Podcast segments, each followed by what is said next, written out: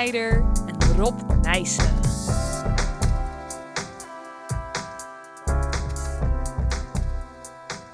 Oké, hij loopt. Goed. Welkom iedereen. Eh, vandaag eh, twee onderwerpen. Een heel bijzondere constructies gemaakt van glas. Iets waar uh, Aad en ik eh, ons eh, erg mee bezighouden. Eigenlijk, eh, ik zou het bijna een obsessie willen noemen. Of eh, een passie moet je geloof ik zeggen tegenwoordig. Maniacaal. Maniacaal. Ja, we willen graag alles van glas maken. Hè, dat is natuurlijk een droom of een, eh een deels een nachtmerrie. Hè, want eh, in een glazen huis wil niemand leven. Hè, dat is eh, heel erg verkeerd. Maar goed, wij willen dat dus van glas maken. En het moet wel altijd veilig zijn. Hè. En ik hou de studenten in Delft altijd voor. Elke glasconstructie moet bestand zijn tegen een maniak met een voorhamer. Hè, die op jouw constructie afdendert en in zijn frustratie probeert hem kapot te krijgen. en dan kan één keer slaan, twee keer slaan, drie keer slaan en dan kun je hem eh, uitschakelen, om het maar zo te zeggen. Doodschieten. Ja, dan, ja dan misschien nog beter. En ehm, ja, dat is dus eh, de veiligheidsfilosofie. Hè? Dus ieder, alles wat we maken. En vandaag gaan we het hebben over een glazen schommel. En over een glazen glijbaan, zou je eigenlijk kunnen zeggen. Kabelbaan, Kabelbaan, kabelbaan. Die moet dus tegen die uh, maniak met een uh, voorhamer bestand zijn. En zelfs zo dat één element kan wegvallen van de constructie. Hè, kan één staaf van die constructie, hè, opgebouwd uit glazen staven, kan die kapot slaan, maar dan toch uh, blijft het heel. Um, ja, nou, we gaan beginnen met de glazen schommel. Hoe zijn we op het idee van een glazen schommel gekomen, Aten? Ja, nou ja. Eigenlijk, uh, ze begonnen bij een uh, grote beurs, de Glastech in Düsseldorf. Uh, elke twee jaar, meen ik. Was de bedoeling, hè, voor corona? voor corona, ja, was het heel regelmatig. Met Duitse regelmaat. Maar nu is het een tijdje uitgesteld. Maar volgend jaar september is hij weer. En, maar goed, de editie een aantal jaar geleden was er een glazen glijbaan daar. door Eckersley O'Callaghan ontworpen. Prachtig ding. En was eigenlijk de bedoeling dat mensen daar vanaf konden glijden. En op die manier eigenlijk ja, dat ze konden ervaren aan den lijve, als het ware, hoe sterk glas kan zijn. Ja, met... Hoe zag die glijbaan eruit? Kun je dat kort beschrijven? Nou, misschien uh, hebben ze wel het idee gekregen van jouw glazen golvende gevels. Ik denk het ook aan. Laten we dat maar zeggen. Want het, het is eigenlijk uh, enkel gekromd glas. Ja. Uh, met, nou ja, ik denk een, een een, eigenlijk een, een, een, halve, halve cilinder. Ja. ja. precies. Met een van diameter glas, van, een, ja. van een meter misschien. Ja. Uh, en die hebben ze twee tegen elkaar gezet in een soort uh, A, zou je kunnen zeggen. Uh, en in de ene steilere poot van die A, van, dus die halfronde glazen cirkel, hebben ze tre tretjes gemaakt, treden gemaakt. Ja. Dus je omhoog kan klimmen. En de ook andere, van glas, hè? Ook van glas, ja. Glazen staven, die hebben ze erin gelijmd. En in de andere, uh, wat minder steile uh, poot van de A, uh, in die halve, halve, cirkel kun je naar beneden glijden. Ja. Op een kussentje natuurlijk, zodat je geen krassen achterlaat. Maar dat ding zag er fantastisch uit, helemaal van glas verlijmd. dus dat inspireerde eigenlijk ons om, om het beter te doen. Om, om ze ja, nakijken maar waarom beter? Want het bleek dus op de glastek dat onze strenge Duitsers verboden de mensen om van die glijbaan gebruik te maken. Want die was niet veilig. Ja, nou ja, in ieder geval durfden ze het risico niet aan. Nee. Uh, en toen dachten wij van nou, zo'n speeltoestel is natuurlijk een supergoed idee. Want de bezoeker heeft interactie met, uh, met het glasobject. Ja. En kan eigenlijk het glasobject belasten met zijn eigen gewicht.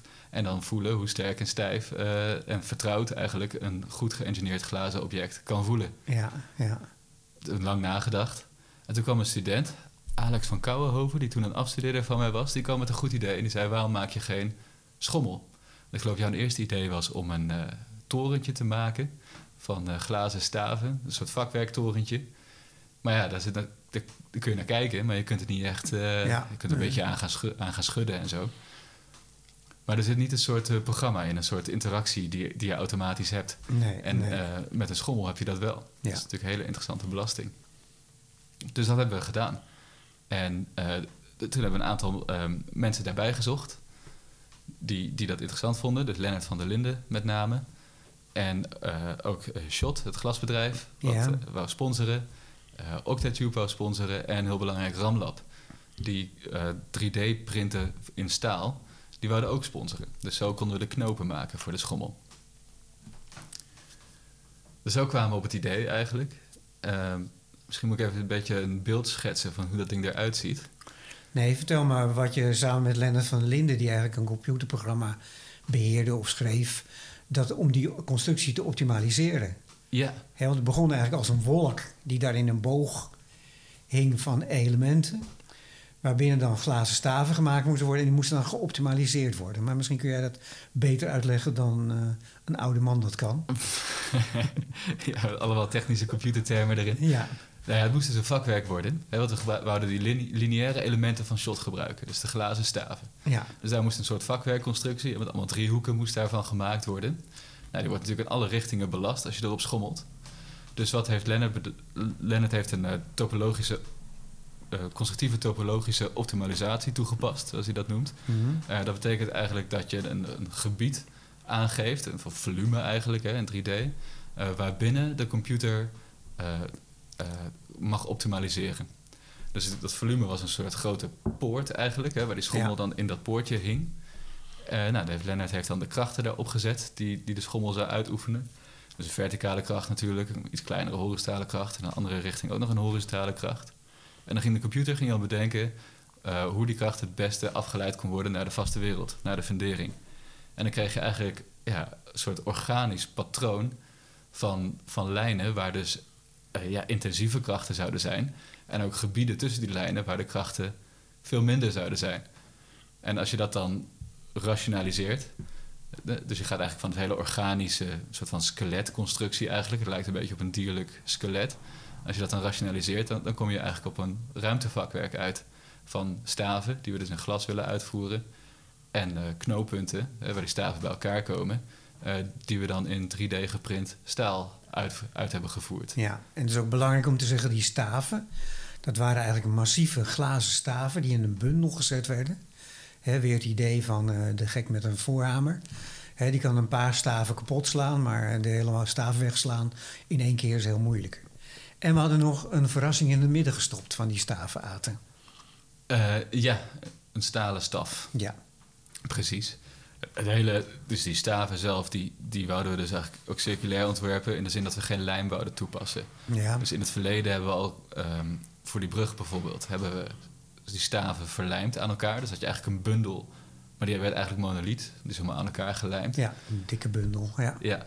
Maar lijm is eigenlijk heel onplezierig. Het stinkt en eh, het is vies spul.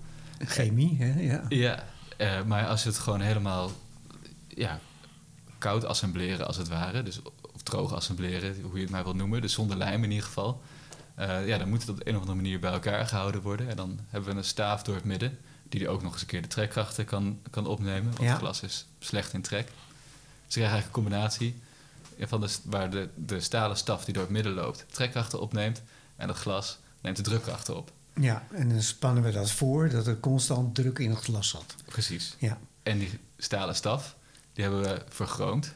Goed idee. om, eh, ja, om hem eigenlijk weg te laten vallen. Dus in Ja, alle, ja. het hele spel van alle reflecties van die glazen staven...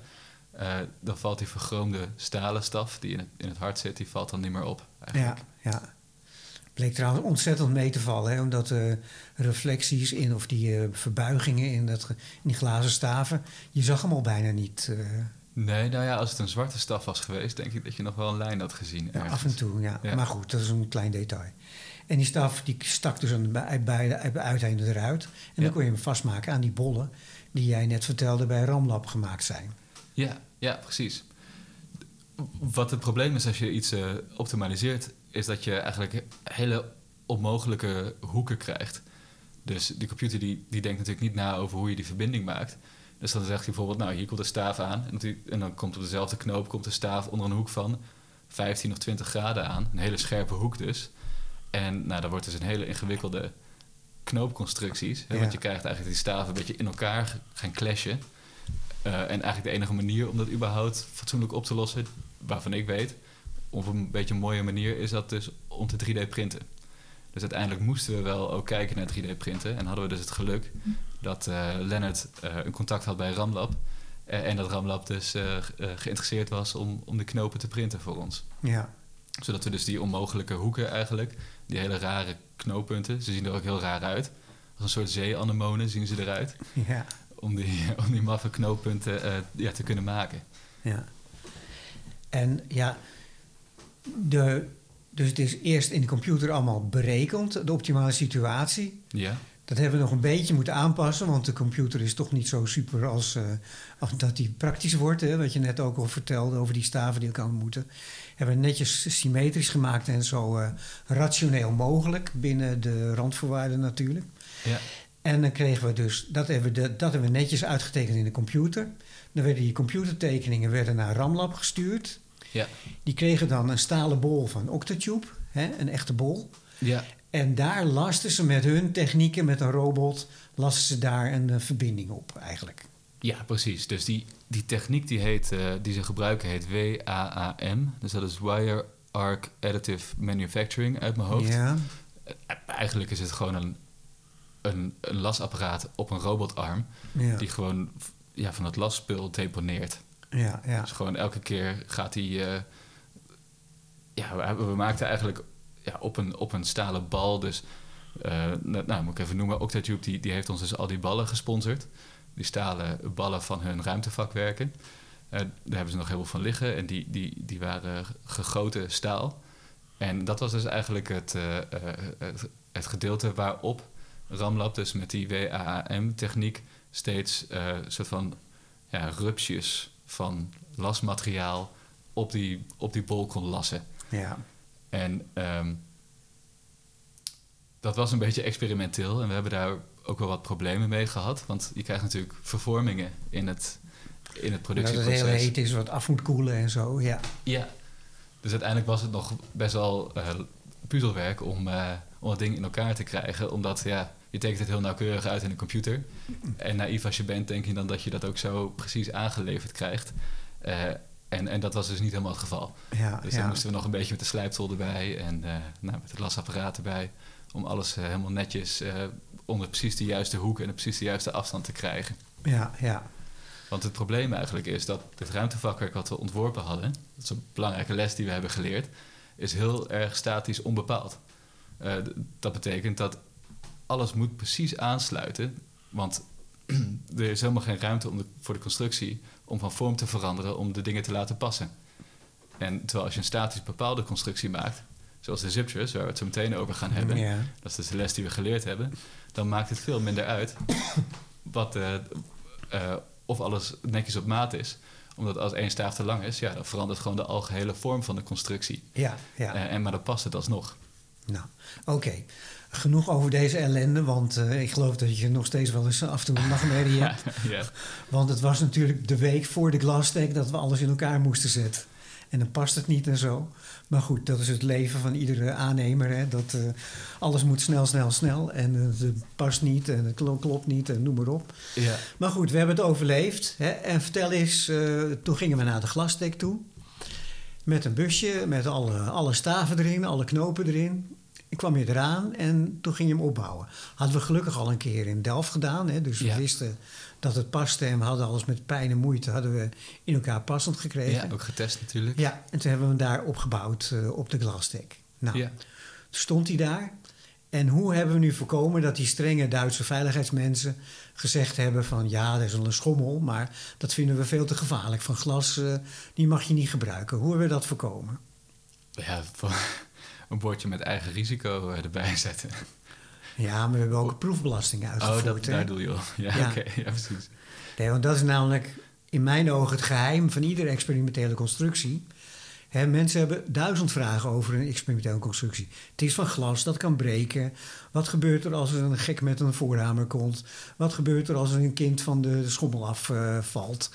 die, al die vragen moet je beantwoorden. Ja. En dan kun je maar op één manier aantonen dat die sterk en stijf genoeg is. Door hem gewoon enorm over te belasten. Hebben er iets tot 150 kilo eh, zwaar aan lopen slingeren en duwen gegeven. Dat het eh, dwars ging slingeren en rare bewegingen maken. Dat hebben we vastgelegd in een rapport. En dat lieten we zien aan de mensen van eh, de Glastec, eh, de organisatie. Ze zeiden, nou, het is getest, dus het is, het is veilig. Ja. Nou, ik was er zelf ook bij. En gelukkig ben je professor. In Duitsland eh, maakt het nog een beetje indruk. Hè? In Nederland niet, maar daar wel. En eh, die zei, nou oké, dat is dan een genehmiging. Maar er moet er wel steeds moest er iemand bij zijn. Hè? Ja. Een deskundige die weet hoe dat allemaal werkt. En eh, we moesten hem afzetten. Hè? Dus dat eh, als hij dus eh, niet te gebruiken was, dat mensen niet de zomer erop konden gaan zitten. Ja, en dan hadden we ook het eh, zitje eraf. Alles zit je eraf, ja. Ja. ja. Dus toen mocht het wel. En daar was ik heel blij mee, want een schommel moet gebruikt worden, vind ik. Ja. En het bleek ook wel, want het was een gigantisch succes. Hè. Ik geloof dat er wel meer dan 2000 mensen op geschommeld hebben. Ja, allemaal foto's gemaakt. Allemaal foto's gemaakt, eh, op, eh, op internet heeft het gestaan en noem maar op. Was een groot succes. En tot mijn eh, verrassing kwam de directie van Shot naar me toe dat ze hem wel wilden kopen, onze schommel. Dat is helaas niet doorgegaan. Maar, en er kwamen nog mensen uit, uit India en, en, en, en, en Midden-Oosten, en- en en Midden-Oosten Australië. die Ja. hem ook wilden kopen. Dus ik dacht dat we gouden business hadden. Maar we zitten er nog steeds mee. En hij komt nu op de Dutch Design Week, eh, eind oktober, komt hij ook weer te staan. Onze mooie glazen schommel.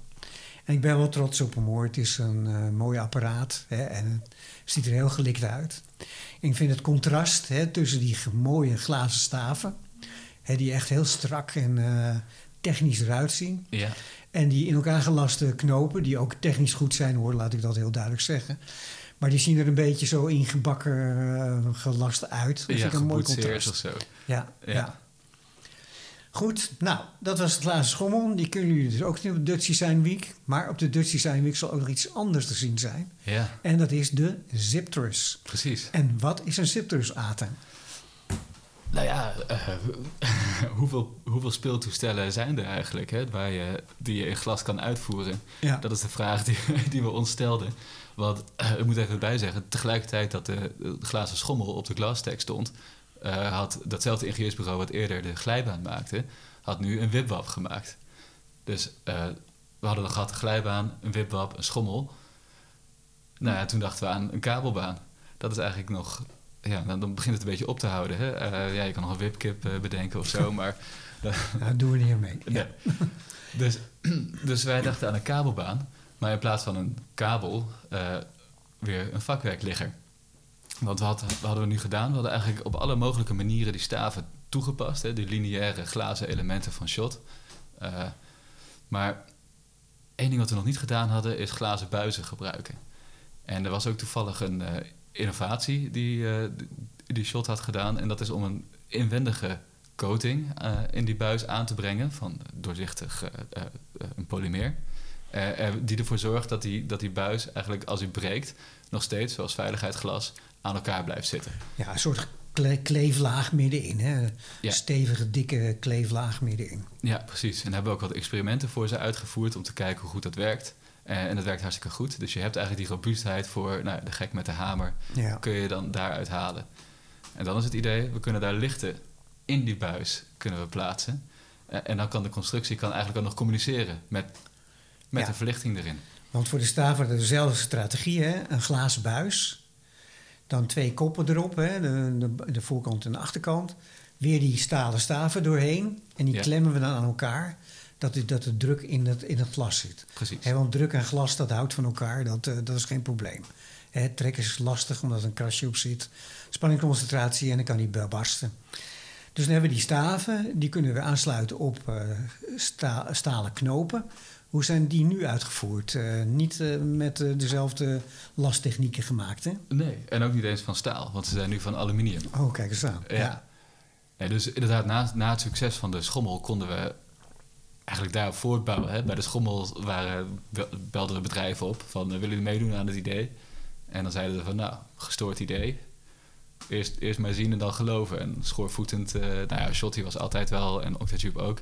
Maar ik denk dat ze ook wel een beetje sceptisch waren. Ja, ja, dat ze niet wisten of, of het allemaal wel waar konden maken, zeg maar. En het is ook nog, nog maar net gelukt uiteindelijk met die schommel. ja. Maar goed, nu hebben we dus laten zien met die schommel, of hadden we laten zien dat, dat, dat we eigenlijk een, goed idee tot een goed einde konden brengen.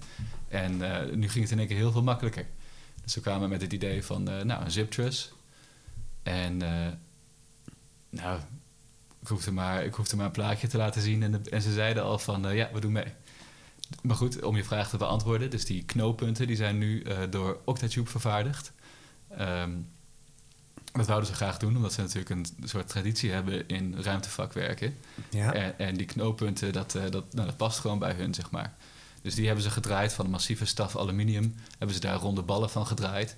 En daarna al die gaten erin geboord, eh, waar, waar we dan de, de staven op kunnen aansluiten. dan gaat er met schroefdraad, hè, dat je daar iets in kan schroeven. Ja. Ja, en dan niet gewoon een schroefdraad in het aluminium gedraaid, want dat zou meteen, of nou ja, dat zou na één of twee keer kapot gaan. Maar met een, eh, een insert, een draadbus eigenlijk. Van hoog, staal, hè? ja, van hoogwaardig Ja. staal. Ja. Zodat je honderd, honderd keer eh, in en uit kan schroeven. ja. En een beetje raar erin kan schroeven zonder dat de boel kapot gaat, zeg maar.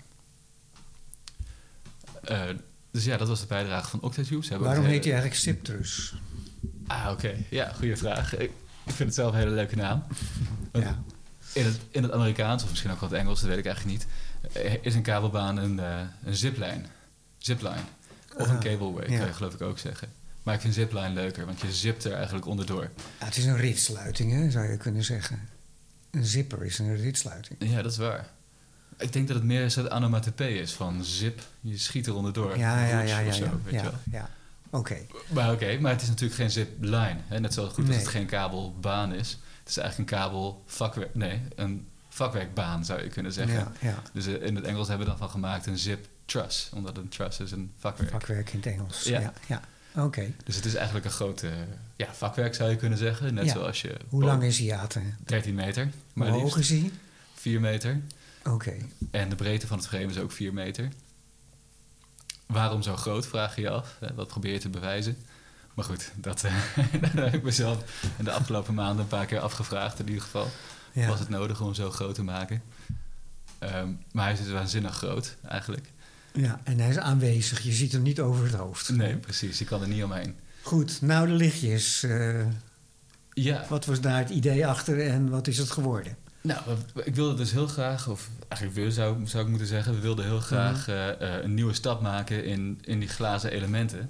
En wat kan je nog meer doen? Nou, glas, je kan er lichtjes in stoppen. En dan, dan, dan is het niet alleen doorzichtig als de lichtjes uit zijn, maar als de lichtjes aan zijn, dan geeft hij zelfs licht en dan kan hij communiceren.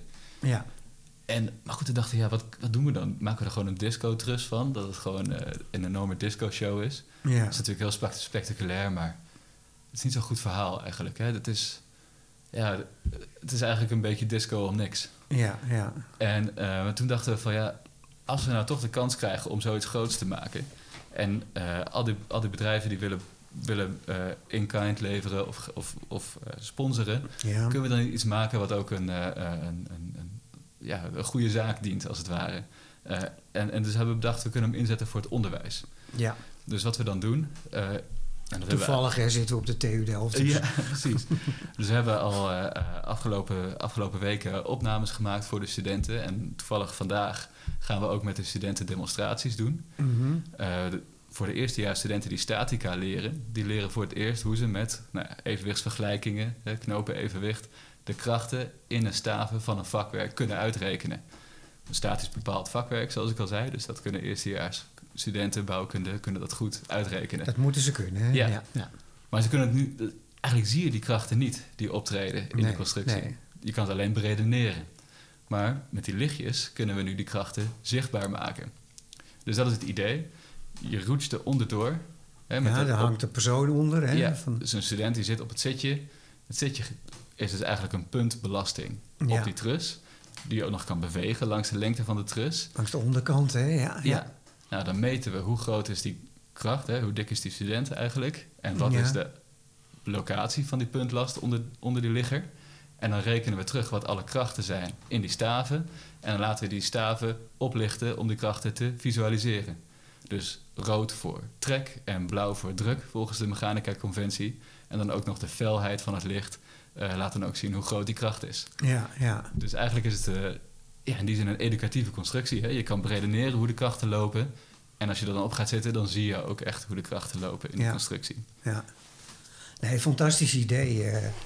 ik denk ook dat de studenten een wereld voor ze open gaat. Want nu zien ze de krachten. Hè? En eh, wij moesten altijd eh, nadenken. En oh, ja, ja, ja, dat zal wel trek zijn, dat zal wel druk zijn. Hè? Maar nu zie je het echt. Dus Ja. ik verwacht er heel veel van. Hè? Ja, ik hoop dat de studenten het hun leven lang blijven onthouden. Ja, En ja, misschien ook een eh, groter enthousiasme krijgen voor constructies. Want eerlijk is eerlijk, op het moment vinden ze het soms een beetje een moedje. ja, ja, En, eh, ja, Dat is eigenlijk zonde, want ja. het is een van de leukere aspecten van ontwerp, vind ik. Ja. Goed, dat is dus het educatieve onderdeel. Maar we gaan natuurlijk ook als een grote, gigantische, ja, hoe moet je zeggen, lamp gebruiken hè, om dingen te laten zien. Ja. Want wat voor andere programma's hebben jullie nog eh, op het oog? Ja, nou ja, het ding wordt aangestuurd met een eh, zogenaamde microcontroller. En daar kunnen we gewoon allerlei verschillende scripts instoppen, eh, Mhm. stuk- stukjes code, die, die verschillende ja, lichtshows kunnen aansturen. En nou, er is op het internet een hele gemeenschap die zich bezighoudt met leuke patronen bedenken voor LED-verlichting. Dat zijn Ja. ledjes die erin zitten. Eh, dus eh, de studentenassistent Koen Bakker, die overigens eh, heel veel werk hier aan heeft gedaan, Mhm. die, die, die heeft gewoon van internet een hele rits aan verschillende patroontjes gedownload. Die allemaal achter elkaar in de code geplakt. Dus als we hem op disco setting zetten, dan krijgen we gewoon een enorm. Ja, het lijkt bijna een screensaver. Hij gaat gewoon allerlei verschillende patronen gaat hij door. Ja, ja, Dus ja, van eh, enorme disco tot juist een beetje open haardachtige dingen. En eh, nou ja, allemaal regenboogkleuren. En ja, ja. Een waterval heeft hij, geloof ik. En nou ja, allerlei verschillende patronen. Wauw, ja. Het ziet er heel spectaculair uit, want ja, een constructie, dat is per definitie natuurlijk een statisch ding. Ja, ja. Het beweegt niet. En als iets niet beweegt, dan, dan zie je het ook niet zo goed. Hè? Dan, eh, dus eh, ik denk dat wij door evolutie een beetje getraind zijn dat iets beweegt, dat we gaan opletten. Van, oh, Ja, is, ja, ja. is het een muis op, die we kunnen eten? Of is het een, eh, een tijger die ons gaat opeten of zo? Dus, maar zo'n constructie die dus statisch is, ja, die valt niet zo op. Ehm, maar als die lichten eenmaal aanstaan, dan begint het hele ding een beetje te bewegen. Dan wordt het een dynamisch geheel. Ja, ja. En, ja, en in één keer treedt zo'n constructie dan de voorgrond. Ja, Dus dat vind ik ook wel een. eh, Ja. vind ik wel een Nee, soort- heel, heel interessant dat dat nu kan met, eh, met die lichten in eh, die glazen staven. Er zit ook nog een, een, een, een matte buis omheen hè, om het licht wat te ja, Op sommige plekken juist weer niet. Hebben we de lichtjes laten zien. Hè, dat je kunt zien dat het glas is en dat het licht is. Hè. Maar het zal een heel mooi effect geven. En wat jij nu zegt, hè, we hebben nu dus, is het gelukt om krachten zichtbaar te maken met licht. Ik heb ook nog eens het idee in mijn hoofd gehad of je krachten kunt laten horen. ik hoor het dan kraken misschien. Ja, het lijkt me heel mooi als je bijvoorbeeld een constructie die je hebt. want We hebben nu een heleboel constructies van Rijkswaterstaat die een beetje op het einde van hun leven lopen. Hè. Die Ja. moeten gerepareerd worden of vervangen. Hè, maar je hoort ze niet gillen van ellende. Van, oh, ik zit er aan de grens van mijn draagvermogen. Ja. Krak, krak, piep, Alweer piep. een hè. eh, 20 ton. Ja, oh nee, weer een truck eh, te veel geladen. Dat lijkt me heel mooi. Ja. Dus één materiaal, tin, als je dat buigt, dan hoor je het kraken. Echt. Hout ook trouwens, maar dat is een beetje onvoorspelbaar. Maar tin, als je dat... dan- Hè, dus als we een tinnenconstructie zouden kunnen maken... die, die zou bij overbelasting eh, kunnen gaan praten. ja. Maar goed, dat is een, eh een zo'n. Het is nu eh 27 september. Ja. De Dutch Design Week is van eind eh, oktober, hè, zoiets. Ja. En eh, wat gaan, moet je nog allemaal doen in de toekomst om de mensen op de Dutch Design Week eh, onze mooie constructies te laten zien? En waar komt die te staan? Misschien is het goed om Oh te ja. vertellen. Ja, ja, ja, dat is heel belangrijk. Dus hij komt op, de, eh, op het Piet Hein Eek terrein te staan. Ja, Dat is. dat, je hebt dat strijp S, dat, dat is geloof ik. de oude Philips eh, fabrieken hè, Ja. staan daar. en ik heb begrepen dat het, dat, dat is een beetje het kloppend hart van de Dutch Design Week. Ja, dat, ja. En dan- het Piet Hein Eek terrein is daar net ten noordwesten van. ja, de halve maanstraat voor de mensen die het precies willen weten, nummer 30. Ja. En Piet Hein zit er in een prachtige winkel en een werkplaats en een hotel heeft hij daar. Het is echt ongelooflijk en verkoopt er allemaal spullen. En eh, wij mogen staan op een eh, klein terreintje direct ernaast. Hè? Kun je dat omschrijven, hoe het eruit ziet? Ja, het is, het, is, eh, het is eigenlijk gewoon een soort woonwijk die daar gebouwd is. En eh, er, zit, er zit een grasveldje en er zit een oud eh, stukje werkspoor van het fabriek Ja, met, een, waar de producten werden af en aangevoerd. eh, ja, met een perron erbij. ja, En, en er zit ook nog een speeltuintje naast, dus dat is heel toepasselijk voor onze kabelbaan en schommel die we daar gaan neerzetten. En er zit een leuk restaurantje bij. Mhm. Eh, dus ik denk dat het s'avonds een hele gezellige boel wordt. Met eh, allemaal lichten en eh, mensen die, die op de foto gaan op, op de schommel of op de kabelbaan. En die misschien nog iets leren over krachtswerking ja. in vakwerken. En ATB al aan het nadenken over het volgende project wat we gaan maken. Nou ja, het, ik, ik zit nog wel een beetje te zoeken naar een goede toepassing van een verlichte constructie. Of een constructie die licht geeft. Ja, want educatieve constructies zijn leuk, maar ik denk niet dat iedereen daarop zit te wachten. Het- Ik denk dat wat soort vakidioten zo, zoals wij, die, die, die vinden dat heel leuk. Ja, En eh, de studenten denk ik dat die dat ook heel leuk vinden. ja, Maar goed, eh, ja, eh, een bedrijf in zijn atrium heeft die zin in een, in een educatieve constructie. en een discoshow bij de koffiepauze. Hè? ja. Maar goed, ik denk wel dat de toekomst is dat, dat gebouwen steeds meer functies integreren in. Kijk, nu is het heel vaak gescheiden. Hè? Van je hebt verlichting, je hebt ventilatie, je hebt isolatie, je hebt draagstructuur, je hebt eh, gevelafwerking en zo. Maar ja, op den duur hoop je toch dat één element eigenlijk meerdere functies kan vervullen. Dus als een constructie ook meteen een soort ambiante lichtshow kan geven, dan, of nou ja, lichtshow, dan moet ik het eerder gewoon Verlichting gewoon, ja. ja, ik denk dat dat heel cool kan zijn. ja. Bijvoorbeeld bij eh, een concertzaal of eh, eh, misschien een, een tent voor een festival of zo. Eh, dat, dat ja, waar je eigenlijk constructie en verlichting in één kan neerzetten. ja. Dus ik denk dat dat lijkt me, dat lijkt me een goede toepassing hiervan. Ja, en qua constructie gaan onze gedachten ook nog verder. Want we gaan op de Dutch Design Week gaan we allemaal constructies laten zien...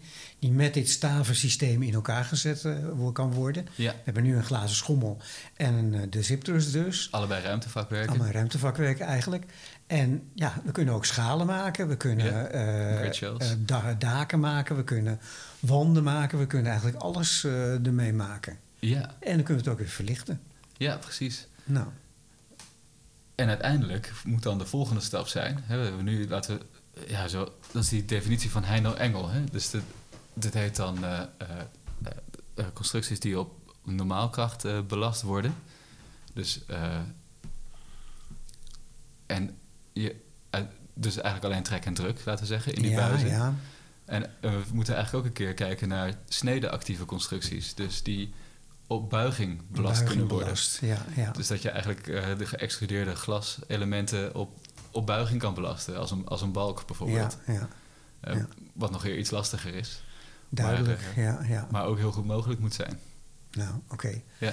Dromen genoeg, Aten. Wat ik, ja, wat ik eigenlijk nog kwijt wil is dat, eh, dat het best lastig was om, om die buizen als een. eh, eh, om het lichteffecten heel mooi eruit te laten komen. Want, want en, en, en daar moet ik ook. eh, dat is ook een mooi moment om eh Proliat te noemen, Wouter Verhoeven. Ja, Eh, die heeft ons geholpen met alle aluminiumdelen, want zijn bedrijf die maakt armaturen voor verlichting in musea. En met hem overlegd dus, hoe kunnen Mhm. we nou voor zorgen dat je eigenlijk niet als een soort eh, ja, kermis of een kerstboom, zeg maar, die individuele ledjes ziet in de ja, buizen. Ja, ja. Dat- pixels eigenlijk, hè. Ja, Precies, maar dat het één mooi gloeiende staaf wordt. Eigenlijk Ja, zoals een lightsaber. Eh, en eh, dat hebben we dus gedaan door een, eh, een, een diffuse polycarbonaatbuis nog weer in de glasbuis te plaatsen. Die, die ervoor zorgt dat het licht heel mooi egaal als een soort ja, gloeiende staaf, als een lightsaber, verdeeld wordt. Ja, dan denk ik dat we ook iedereen genoemd hebben. Oh ja, er is ook nog Anjo van De Cirkel. Die heeft ook nog advies gegeven over de elektronica. ah, ja. Dat is altijd belangrijk om iedereen te noemen. Hè? In, eh, Nee, zeker, want eh, wij zijn een beetje de strandjutters van, eh, om de constructie bij elkaar te zoeken. ja. Ja, en die mensen hebben ons prima geholpen. Hè. Bijna zonder geld, hè. dat moeten we ook erbij zeggen. We hebben van de Glastech hebben we een mooi bedrag gekregen. ja. Maar dat was lange na niet genoeg om alles van te bouwen. Maar op onze sprokkelmethode hebben we toch het voor elkaar gekregen dat hij nu op de Dutch Design Week eh, eind oktober eh, uitgebreid te zien zal zijn. ja, precies. En we gaan er natuurlijk nog een, een, eh, een, eh, ja, een chandelier, een eh, soort grote lamp van maken. Ja, ja, Die we in, de, in het houten torentje van een paar afleveringen geleden, ja, die in ja, Delft is gebouwd, die we daar gaan ophangen. ja oké. Dat was het. Dit was Tekentafeltapes. Met Ate Snijder en Rob Nijssen.